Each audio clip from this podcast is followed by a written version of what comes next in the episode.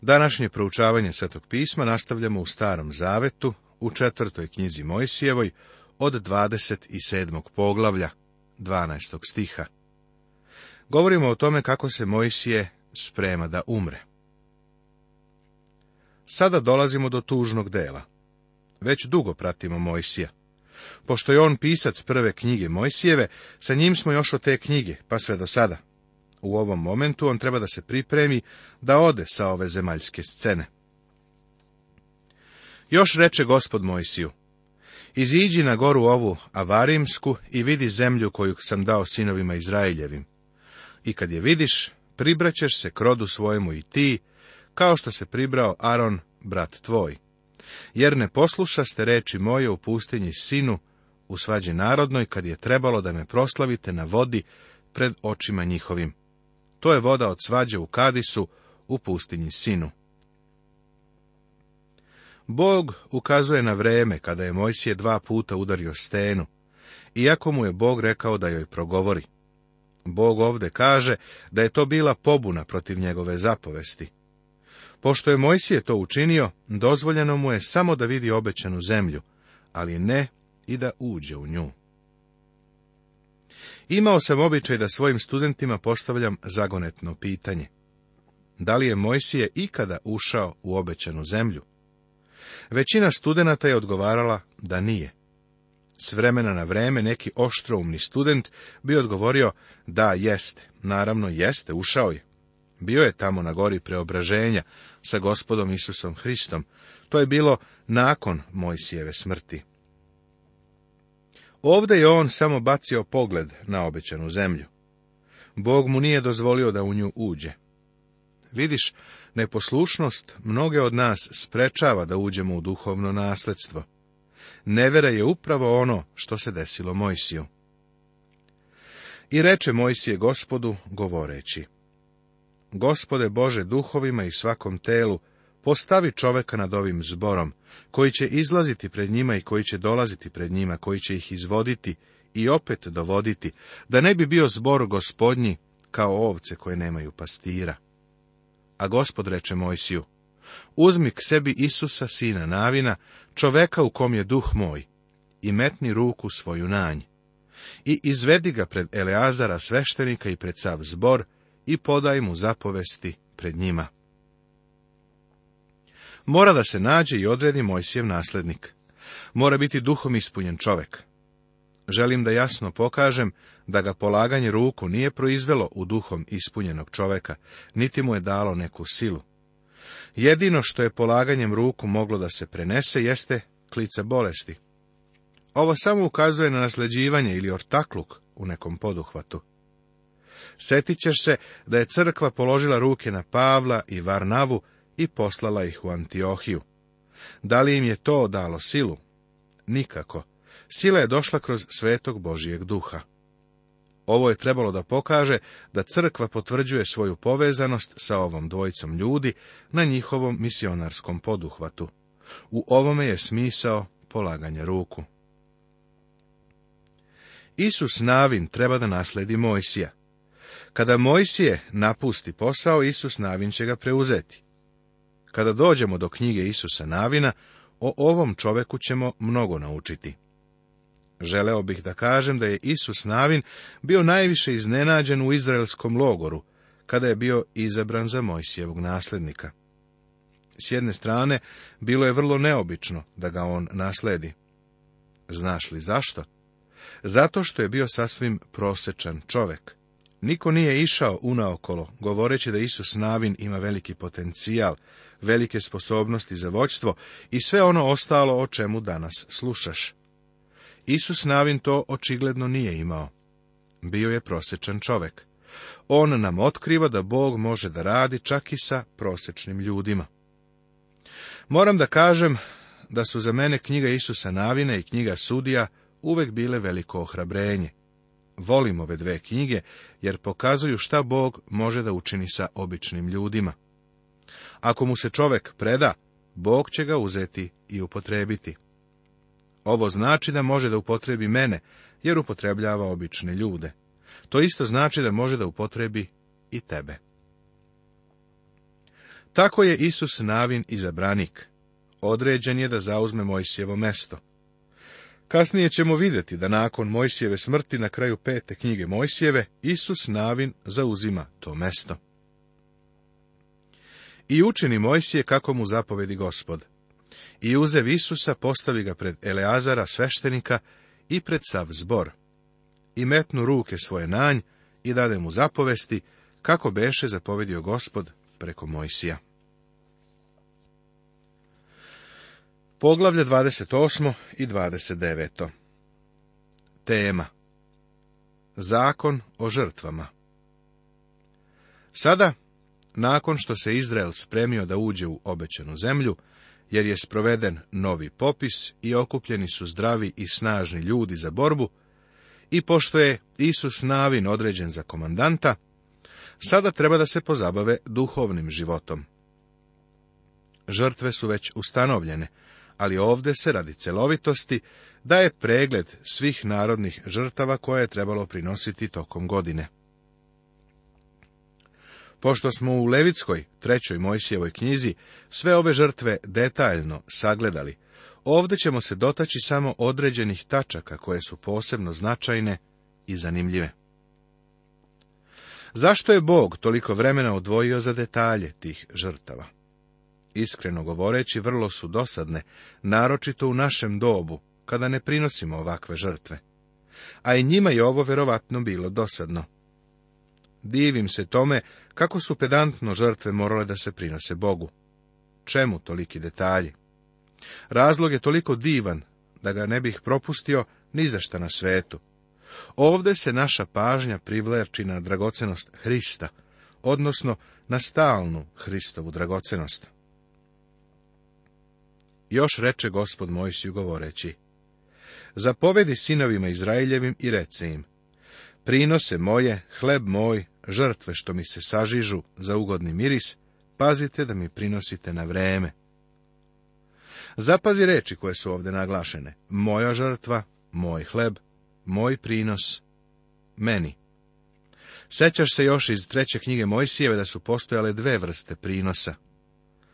Dva su bila nemiomirisni prinosi. Miomirisni prinosi su predstavljali Hristovu ličnost mirisni su govorili o Hristovom delu otkupljenja, koje je učinjeno za tebe i mene. Sada ovdje Bog govori o ugodnom mirisu žrtava i sve to naziva svojim prinosima.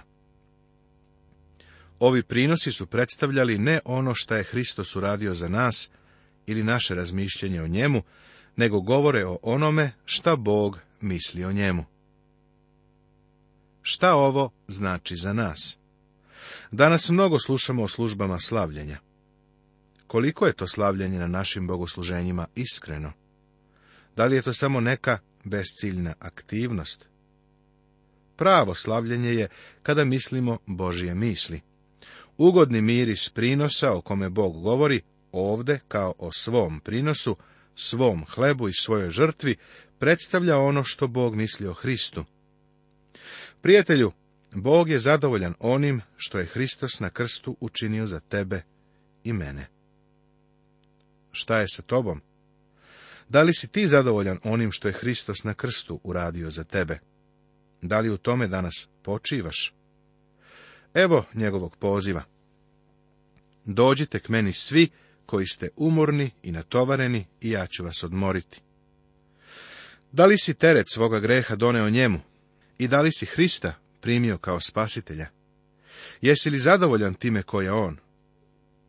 Ako on nije sin Božiji, onda ono što je učinio nema apsolutno nikakvog smisla. Pravo slavljenje jeste uviđanje ko je on i divljenje njegovoj ličnosti. Drugim rečima to je kada Božije misli, mislimo. Reci im, dakle, ovo je žrtva ognjena, što ćete prinositi gospodu dva jagnjeta od godine zdrava, svaki dan na žrtvu paljenicu bez prestanka. Ova žrtva paljenice, koja govori o Hristovoj osobi, sva bi se gorela i pretvorila se u dim, a on se ceo uzdigao Bogu. Baš to je najvažnije u vezi sa ovom žrtvom. Kada dođemo do 29. poglavlja, vidimo da je ono samo nastavak zakona o žrtvama. Bog je želeo da mu njegov narod dolazi sa radošću u vreme tih divnih, uzvišenih svetih dana svetkovine. Izuzetak je bio dan očišćenja. I deseti dan toga meseca sedmoga da imate sveti sabor i mučite duše svoje, ne radite nikakoga posla. Ovo je ponavljanje zakona datog u trećoj Mojsijevoj. Poglavlje se završava zakonom o žrtvama za praznik Senica. Spomenju se žrtve za grehe i prestupe, ali se uvek daju pored žrtve paljenice. U ova dva poglavlja nalazimo divnu pouku za nas, prijatelju. Ti i ja smo grešnici. Čak i ako to nisi znao, grešnik si. Ako dobro obratimo pažnju na Božju reč, vidjet ćemo da smo grešnici i da nam je potreban spasitelj. Potreban nam je Hristos.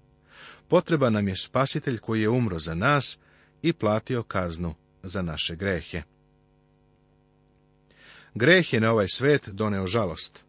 Greh je doneo suze i slomljena srca. Bog mrzi greh. Drago mi je što Bog mrzi greh. Bog se i danas kreće napred, ne skrećući, ne oklevajući bez kompromisa, protiv greha. Namerava da ga izbaci iz svog svemira. Bog neće sa njim praviti nikakav kompromis, neće prihvatiti belu zastavu primirja, namerava da ga eliminiše, a ja sam mu za to zahvalan. Pošto nas je greh pokrao za zajedništvo sa Bogom, on je i prilika za tugovanje. Kada si posljednji put plakao zbog svojih greha? Jesi li došao pred Boga prijatelju, plakao nad grehom, nad životnim propustima, nad svojom hladnoćom i ravnodušnošću? Kako nam je potrebno da sve to priznamo pred njim? Odvojeni smo od njega ne zbog toga što je Bog visoko, a mi dole nisko, niti zato što je on velik, a mi smo mali, niti zato što je on beskonačan, a mi ograničeni. On kaže da su nas naši gresi razdvojili od njega. To je prilika i razlog za plakanje. Dozvoli mi da budem iskren sa tobom. U službu sam postavljen 1933. godine i 37 godina sam radio kao pastir.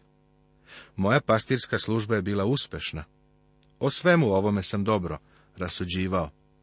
Uvijek je bilo novih ljudi koji su prisustovali službama, uvijek je vladao novi interes za proučavanje Biblije, uzbuđenje i povećanje rada mladih ljudi i ljudi su doživljavali spasenje.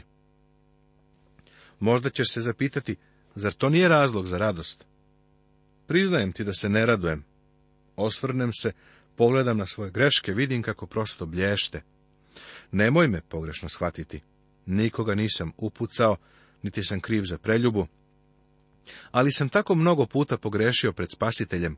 Mnogo puta, na mnogo načina, i to mu priznajem. Dozvolio sam da dođu stvari koje su me razdvajale od njega u vremenu kada mi je bilo potrebno zajedništvo sa njim. I kada sam to zajedništvo želeo ali nekako sam dopuštao da te stvari dođu. Ovo je razlog za tugovanje, čak i za plač, sve do danas. Ali Bog nije želeo da njegov narod provede život u tuzi. Sve ostale svetkovine su bile praznici radosti. Prinosile su se žrtve za greh i žrtve za prestupe. Hristos je izmirio sve na krstu za naše grehe. Kako nam je to potrebno?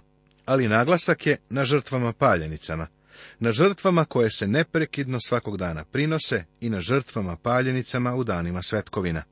Bog uživa u svom sinu. Svi ovi detalji govore o spasitelju i o tome koliko je on divan. On je prinos ugodnog mirisa. Takav je. On je prinos koji nije ugodni miris, to je ono šta je uradio. Učinjen je grehom radi nas, on koji nije poznavao greh. Ja sam grešnik, a on je umesto mene umro, da bih ja bio učinjen pravdom Božijom u njemu. Zauzeo je moje mesto ovde na zemlji, da bi mi tamo gore dao svoje mesto. Ako si danas spasen prijatelju, onda u nebu imaš isto toliko prava kao i Hristos. Jesi li to znao? Imaš njegovo pravo da tamo budeš, a ako to njegovo pravo ne posjeduješ, onda tamo nemaš nikakvog posla. U stvari neće ni biti tamo. Mi smo prihvaćeni u ljubljenome. Na osnovu toga nas Bog prima. Ako si u njemu, ne postoji ništa što bi mogao dodati. Kako je to divno. Poglavlje 30. Tema.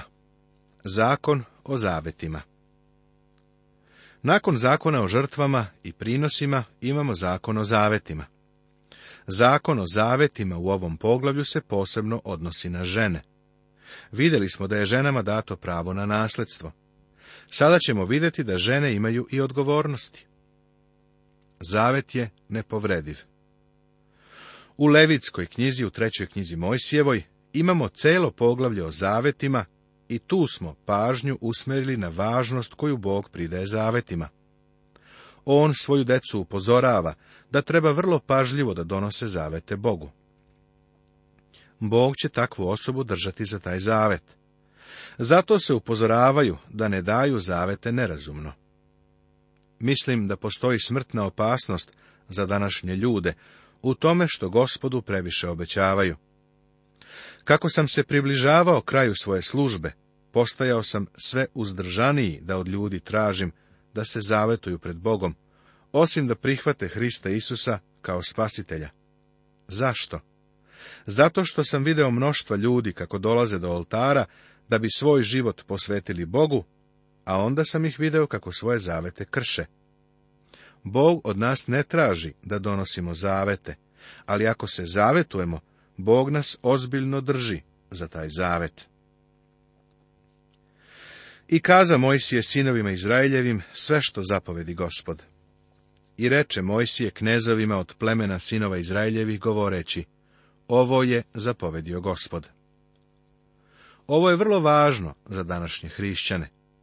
Pavle je to imao na umu kada je rekao, ako dakle svojim ustima ispovediš da je Isus gospod, i poveruješ u svom srcu da ga je Bog vaskrsao iz mrtvih, bit ćeš spasen, jer srcem se veruje za pravednost, a ustima se ispoveda na spasenje.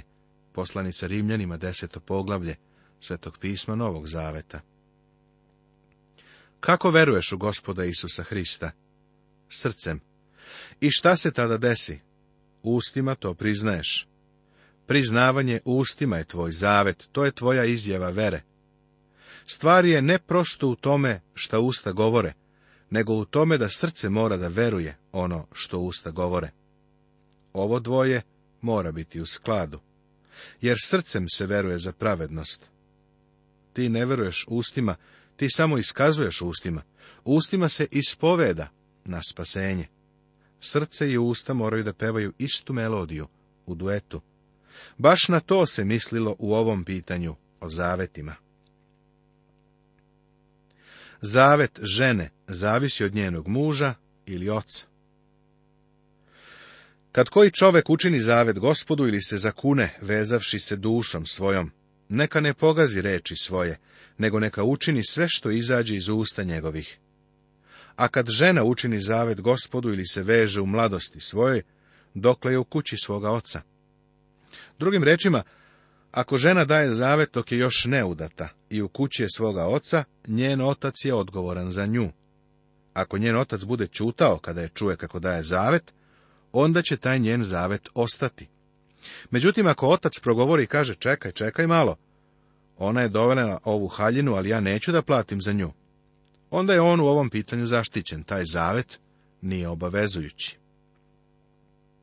I čuje otac njezin za zavet njezin ili kako se vezala dušom svojom, pa je otac ne reče ništa, onda da su tvrdi svi zaveti njezini i sve čim je vezala dušu svoju da je tvrdo.